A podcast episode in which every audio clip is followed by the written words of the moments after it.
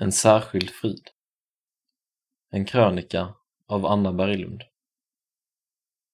Hård asfalt under svala sommarskor Vindjackan knäppt upp till hakan Sensommaren var mild och den utlovade några fler veckor med grönskande träd. Jag promenerade själv den korta sträckan mellan lägrets möteslokal och boendeområdet.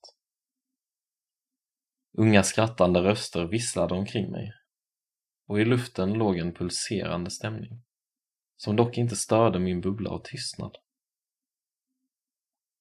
Få gånger i mitt liv har jag upplevt en sådan frid som när jag gick från kvällsmötet den gången. Jag kände en varm glöd i min bröstkorg och jag kunde inte låta bli att småle. Pulslägret för några år sedan blev speciellt för mig.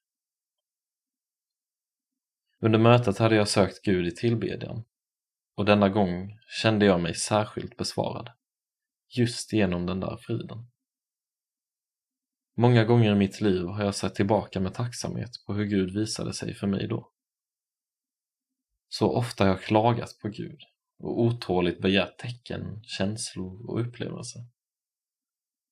Så sällan har jag bara levt i friden.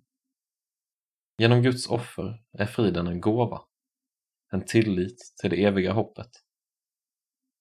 Därför kan vi stå fasta i vår tro, även om vi inte alltid upplever tecken eller känslor.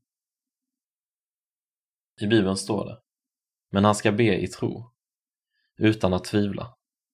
Den som tvivlar liknar havets våg som drivs och piskas av vinden.